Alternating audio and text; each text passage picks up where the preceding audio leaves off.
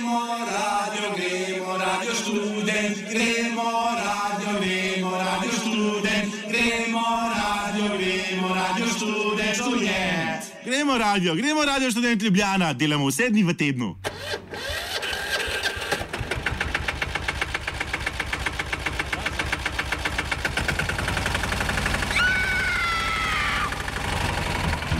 E, kaj pa je to? Ja, kultivator. Gre za neko vrsto apatije. To lahko reče samo kreten, noben drug. Socialni invalid in ga je ne mogoče urejati. Drugi kandidat. Pa, pa pije, kadi, masturbira, vse kako ti lahko reče. Nihče tega ne ve. Vsak petek skultiviramo dogodek tedna. Lahko po kriterijih radio študent, težko pa po evropskih kriterijih. Ampak na drug način, kot vi tu mislite. Kultivator vedno užge. Da pač nekdo sploh omenja probleme, ki so, in da pravzaprav sploh nekdo sproži dogajanje uh, v družbi. To drži, drži.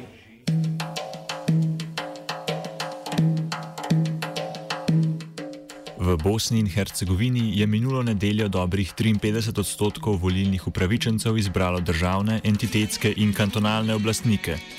Sistem delitve oblasti, vzpostavljen po podpisu Daytonske pogodbe leta 1995, ki je poskrbela za delitev oblasti po etničnih linijah, se po sicer še ne popolnoma uradnih rezultatih volitev, kot kaže, ne spreminja.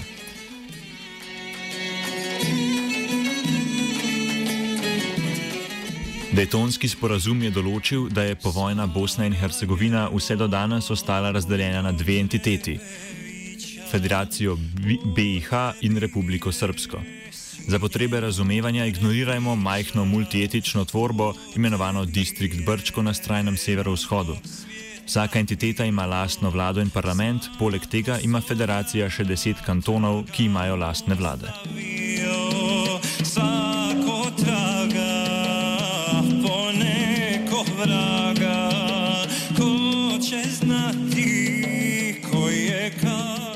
Politični vrh države v Sarajevu tvori predsedstvo, ki ga sestavljajo trije predstavniki tako imenovanih konstitutivnih narodov: Bošnjakov, Hrvatov in Srbov. Ti nominirajo predsednika sveta ministrov, de facto premijeja, ki ga na to potrdi spodnji dom parlamenta.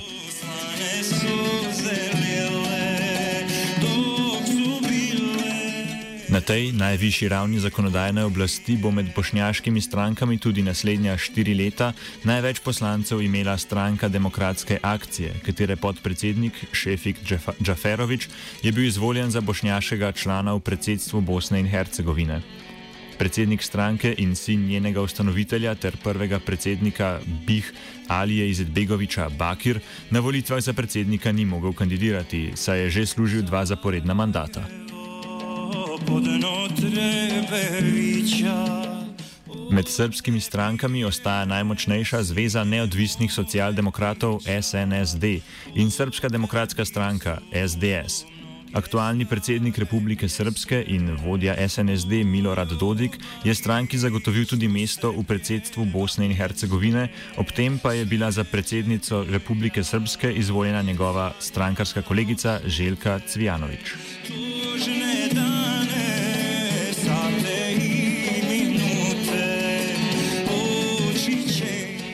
Kljub temu, da HDZ BIH v dneh po volitvah zaganja hrup, ker je bil za hrvaškega člana predsedstva BIH izvoljen Željko Komšič na mesto HDZ-jevega Dragana Čoviča, si je HDZ na državni, predvsem pa entitetni in kantonalni ravni zagotovil močno pozicijo na, za koalicijska pogajanja. Demokratska fronta, deklarativno multietnična stranka Željka Komšiča, si je razen na predsedniških volitvah na vseh ravneh izborila občutno manjšo podporo kot HDZ in zaostala tudi za SDP BIH, ki cilja na enako volilno telo kot DF.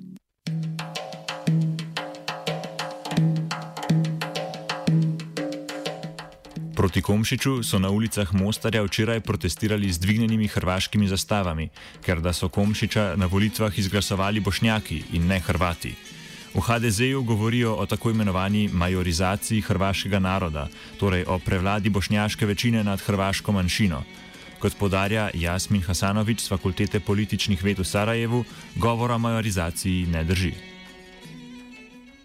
Ustav Bosne i Hercegovine ne definira, odnosno ne nalaže da etničke grupe biraju uh, svoje prijesednike. Već to se radi o jednoj potpuno uh, jednoj izmjeni činjenica, jednoj zamjeni teza.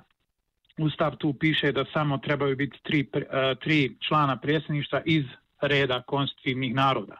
Dakle, Ustav ne definira, jer bi to bilo kršenje bilo koj, kojih ljudskih prava generalno, da vi imate uh, bilo koji način da na osnovu vaše etničke grupe vi birate sebi vašeg predstavnika. Ne, već jednostavno bi, bitno je da se izabere predstavnik uh, u državno predsjedništvo, odnosno član predsjedništva iz reda jednog, drugog ili trećeg naroda. Ta cjelokupna priča o majorizaciji, ako samo pogledamo uh, prošli saziv, HDZ je sa 11% uh, izbornog rezultata imao šest ministara i jednog člana prijesedništva. Tako da mislim da se tu samo radi o jednoj uh, odličnoj političkoj strategiji. V predvolilni kampanji je Komšič zauzemal populistična stališča, kot opisuje urednik spletnega portala Prometej Ba Franjo Šarčevič. Sve njegove izjave su populističke, tako da njegove izjave idu u smislu uvešćemo građanski princip, jedan čovjek, jedan glas, ne trebaju nam konstitutivni narodi. On samo priča, onda prijeti sad tužbom prema Hrvatskoj, govori afirmativno o nezavisnosti Kosova. To su sve stvari koje njemu donose bodove među bošnjačkim biračkim tijelom. Hasanovič na primeru Komšiča tako prepoznava diskurs državljanskega nacionalizma, ki ga razlikuje od etničnega nacionalizma etabliranih strank, od srpskega SNSD in SDS, hrvaškega HDZ in bošnjaškega SDA. Mi smo mogli u Bosni i Hercegovini pratiti da su konkretno možda najvidljivije prijesednički izbori zapravo bili izbori jedne kalkulacije straha, gdje se nastojao strah uvijek potencirati kao faktor koji treba da motivira ili mobilizira građane. Vidjeli smo isto tako u nastupima stranaka, kako onih na vlasti, tako i opozicije, da je faktor straha bio ključni, da li od drugog, da li od opozicije. E, ja mislim da smo sad imali jedan sukob nacionalizama, u suštini da, demokratska fronta nije etnička stranka, međutim, e, ne možemo je nazvati ni ljevičarskom, ne možemo je nazvati ni nekom e, progresivnim lijevim centrom, se radi e, generalno na toj široj slici o sukobu nacionalizama, generalno sukobu građanskog nacionalizma i etničkog nacionalizma. Željko Komšić je nastupio iz pozicije građanskog nacionalizma, dok HDZ i ostale etnonacionalne stranke nastupaju iz ovog diskursa etničkog nacionalizma.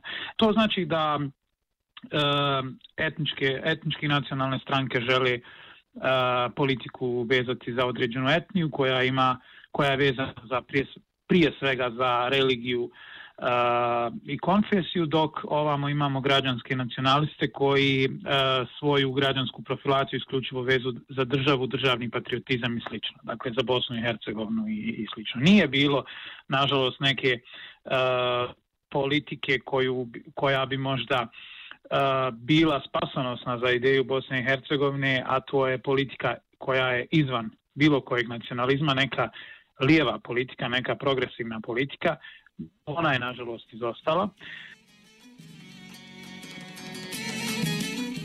Komšičeva zmaga pa ni le še eden dodaten povod za bolj goreč nacionalizem in narodnjaštvo Hrvatov, temveč tudi bošnjakov, razlaga Enver Kazas Sarajevske filozofske fakultete.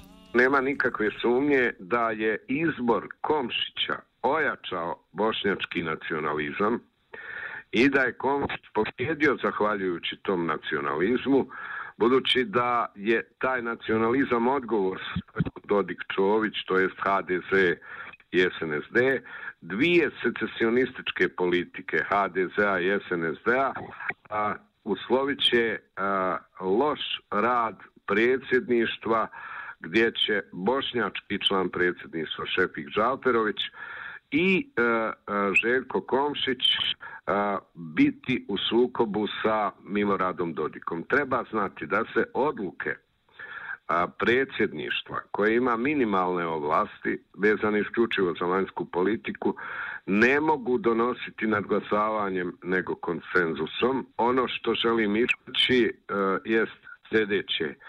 Komšićeva pobjeda koju je e, osvojio zahvaljujući bošnjačkom nacionalizmu izravnoj podršci stranke demokratske akcije je u tom smislu besmislena i uzaludna. Kandidiranje samog Komšića i njegova izborna kampanja napravila je veliku međuetničku krizu a, u Federaciji Bosne i Hercegovine i najveću distancu od rata na ovamo između Bošnjaka i Hrvata.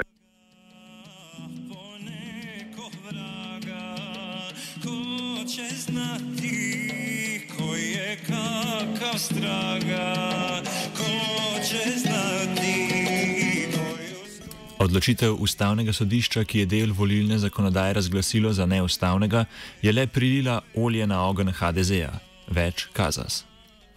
Prema presudi Ustavnog suda Bosne i Hercegovine donesene ove godine izborni zakon je neustavan u onom dijelu koji je vezan za način izbora delegata u Dom naroda Federacije Bosne i Hercegovine. A, to će omogućiti HDZ-u koji je osvojio apsolutnu pobjedu u hrvatskom dijelu Bosne i Hercegovine, to jest u kantonima sa hrvatskom etničkom većinom, da a, na svaki mogući način a, utječe na formiranje vlasti i da drži a, sve ključeve tog formiranja u svojim rukama.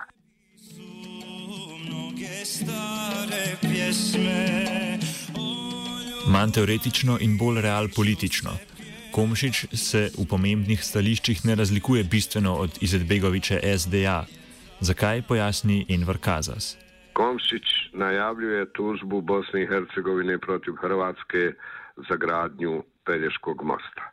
A, time su on i Bakir Ižetbegović a, poslali identične poruke a, domaćoj i međunarodnoj javnosti. A, treba odmah istaći da Pelješki most nije samo projekt Republike Hrvatske, nego Evropske komisije. Pa bi svaka tužba a, bila a, a, a, zapravo a, dovedena u situaciju da Bosna i Hercegovina bude protiv odluka Evropske unije. A, takva vrsta demagogije raspalila je bošnjački nacionalizam. Ili a, Komšić i Izetbegović imaju identične javne stavove o priznanju Kosova, iako Bosna i Hercegovina zbog onih odluka a, na među, u međunarodnoj politici koje se mogu donijeti konsenzusom, neće nikada moći priznati Kosovo dok s tim ne bude saglasan predstavnik Srba u državnom predsjedništvu. Da bi razumeli Komšičevo vlogo, ki jo na bosanski volitveni šahovnici igra danes, moramo pogledati njegovo zgodovino, v kateri je že dvakrat zasedel stolček hrvaškega člana predsedstva BIH, a pod imenom druge stranke in sicer socialdemokratske stranke. Več Hasanovič. 2010. godine uh, Željko Komšić, uh, nakon što je došao na, uh, u svoj drugi mandat za člana predsjedništva Bosne i Hercegovine, pam, pamtimo to kao period kada je SD, SDP kao e, stranka u kojoj on bio koalirala sa SDA.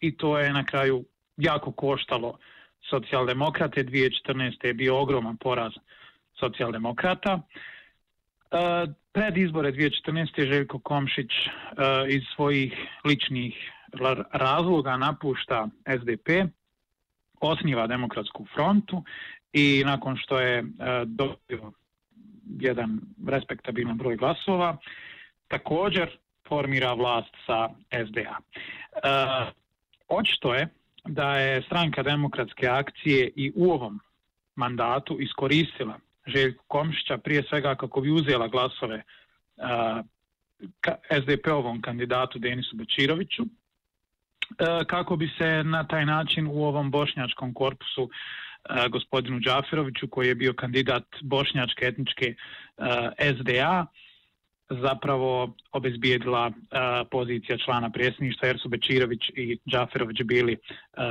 kandidati iz reda bošnjačkog naroda tu. Bečirović je naravno bio gospodinu Džaferoviću najrealnija konkurencija i upravo je tu uh, figura Komšića kao nekog ko je ne bošnjak, a voli i zagovara Bosnu i Hercegovinu, bila idealna startna pozicija da se počinje priča o tome kako samo izborom Komšića se može spasiti Bosna i Hercegovina od Čovića i Dodika na, na, na državnom vrhu i slično. Međutim, e, ja smatram da je upravo Komšić taj koji je Čoviću najpotrebniji, to smo vidjeli sad E, i sa ovim protestima. E, čitava priča o e, tom nekom trećem entitetu ili majorizaciji Hrvata i slično, upravo je započela onda kada je Željko Komšić sa SDP-om došao na čelo predsjedništva.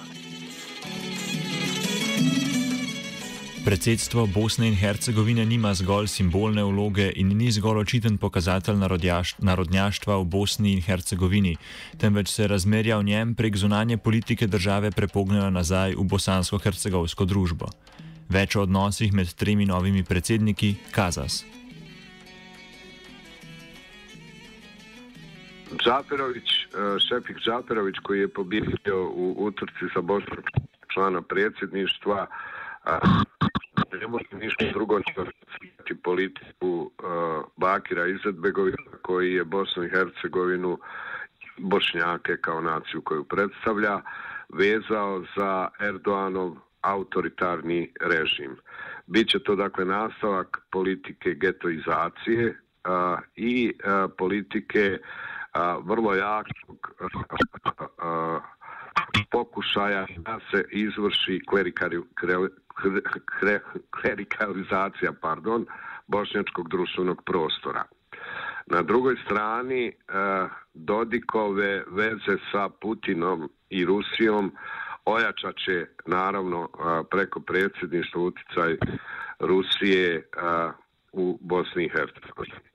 Treba istaći da je politika Europske unije u Bosni i Hercegovini veoma slaba i da je njena nefučnost e, omogućila prodor ruskog i turskog uticaja u podijeljenoj državi. E, nema nikakve mogućnosti e, na osnovu dosadašnjih političkih stajališta i Komšića i Dodika i Džalperovića da zaključno će Bosna i Hercegovina naglo krenuti prema Evropi.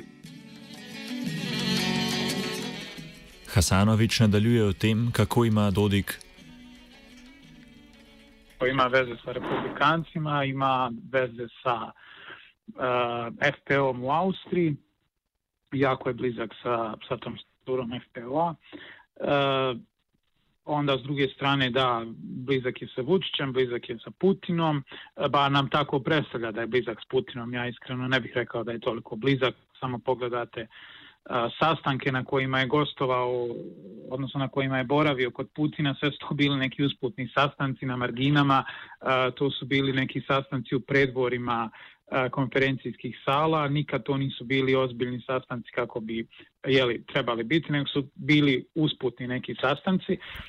Več o Dodiku. Dodikova politika, i mislim da ona oslikava zapravo stanje a, društva, stanje neke ideološke diferencije i slično je ta da Dodik zapravo dolazi iz stranke koja sebe naziva socijaldemokratskom, odnosno Savez socijaldemokrata um, on ni po čemu se ne ponaša socijaldemokratski, e, uh, što je da je uvidio da jednostavno je nacionalizam uh, ta, taj koji, koji donosi u ovakvoj strukturi uh, korist i on je to i, i, i uradio kroz svoju politiku. Samo ako pogledamo uh, cjelokupno funkcioniranje Republike Srpske. Mislim da je nacionalizam i Dodikov, pa i Čovićev, pa i Izetbegovićev uh, samo jedna maska za prigrabljivanje društvenih resursa, za prigrabljivanje e, ogromne količine društvene i ekonomske i političke moći. Po mnenju Kazaza, nova državna vlada brez Dodikove SNSD ne bo mogoča. je ostvario takvu pobjedu da ga nije moguće isključiti iz državne vlasti kao što je to bio slučaj u proteklom mandatu. Ali a, njegova snaga je puno veća nego na prošlim izborima zato što je i u Republici Srpskoj dakle na entitetskom nivou i na državnom nivou on ključni faktor formiranja vlasti. A, da li će Dodik nastaviti a, svoju secesionističku politiku, a, nema nikakve sumnje da hoće. Šarčevič pojasnjuje proporcionalni način preračunavanja glasov mandate na državni ravni. Kad se bira parlament, odnosno zastupnici u parlamentu, parlamentarnoj skupštini BiH, onda tu na teritoriji federacije bira 28 zastupnika, a na teritoriji Republike Srpske njih 14. 25% glasova u federaciji je više ljudi, više mandata nego, na primjer, 40% glasova u Republici Srpskoj.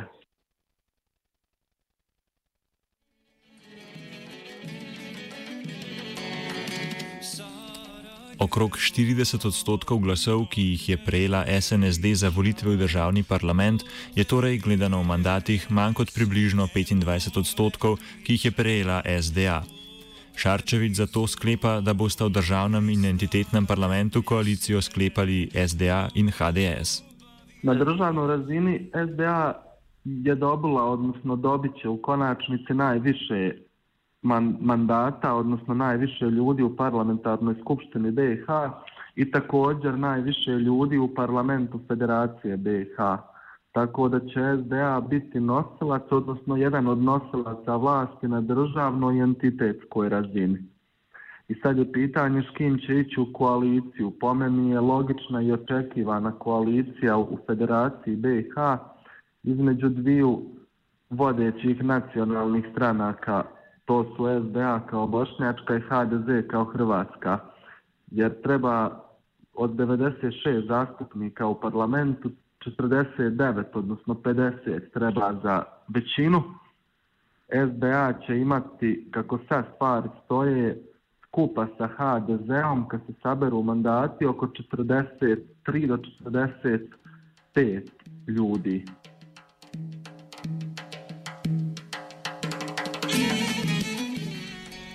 Na kantonalnih ravneh federacije BIH medtem obstajajo možnosti za formiranje vlad, v katerih ne bi dominirali SDA in HDZ. Novo nastale stranke, kot sta naša stranka in hrvaška stranka Prava BIH, so nastale z osipom članstva predvsem iz večjih strank. Postoji krhka nada da je moguće u kantonima sa bošnjačkom etničkom većinom u Federaciji Bosne i Hercegovine formirati vlast od antinacionalističkih, lijevo umjerenih, lijevo usmjerenih i centrističkih stranaka, pa bi se moglo dogoditi da nacionalistička bošnjačka SDA bude isključena iz vlasti. Za sada je izvjesno da u Sarajevskom kantonu, koji je jedan od najvećih kantona E, u Bosni i Hercegovini čiji budžet e, premašuje na primjer budžet Republike Srpske. Vlast mogu formirati SDP, e, dakle naša stranka i takozvana stranka Narod i Pravda Medina Konakovića koja je nastala cijepanjem SDA. Oni imaju dovoljan broj glasova da okupe stabilnu koaliciju pregovori oko toga već su počeli i najavljuje se takvo formiranje vlasti. U Tuzlanskom kantonu također SDP može okupiti vrlo jaku koaliciju i izgurati SDA s vlasti. U Zeničko-Dobojskom kantonu treći najmnogoljudniji kanton nakon Sarajevskog i Tuzlanskog. Također SDP može biti predvodnik koalicije protiv SDA. Zadnjo besedo kultivatorja prepustimo Hasanoviću. Se uvijek govorilo, ali nikad ovako javno i transparentno kao danas, da imamo izborne krađe, da imamo neregularnosti u brojanju glasova, e, da imamo visok, e, ne, visoku neizlaznost, visok, visok broj nevažećih listića, poništenih listića, praznih listića, e, što nam govori o jednom zadovoljstvu među ljudima, ali bojim se da nam i više govori o tome kako ljudi nemaju koga birati. Reći ću jedan primjer sa izborne noći, jedan primjer koji je slijedio poslije. E, primjer sa izborne noći je taj da smo svi mogli vidjeti u medijima da recimo SDA ima mnogo bolji softver za obradu podataka i mnogo bolji programe i, i mnogo ažurnije ljude na terenu koji broje glasove nego centralna izborna komisija. A, to prvo. Drugo, zanimljivo je da u gostovanju gospodina Džaferovića koji je sad izabran za člana a, predsjedništva Bosne i Hercegovine a, na jednoj a, domaćoj televiziji, dakle na, e, na, gdje su prvi put susreli trojica novoizabranih članova, jedini gospodin Džaferović nije vidio nikakve neregularnosti e, i čak je žestoko osporavao mogućnost ponovnog brojanja glasova. Imamo primjere iz Tuzle gdje su e, ljudi sa prebrojanim glasovima koji su bili spakovani u u vreće koje su trebale biti dostavljeni centralnoj izbornoj komisiji, e, stajali satima na pločniku, niko nije dolazio po te vreće, onda su ljudi te vreće nosili kućama, dakle povjerljiv materijal koji bi jeli, trebao biti posebno čuvan, posebno arhiviran, bio je tako prepušten ljudima, stajao na ulici, nešto što je jednostavno nezamislivo. Kultivirao je Martin.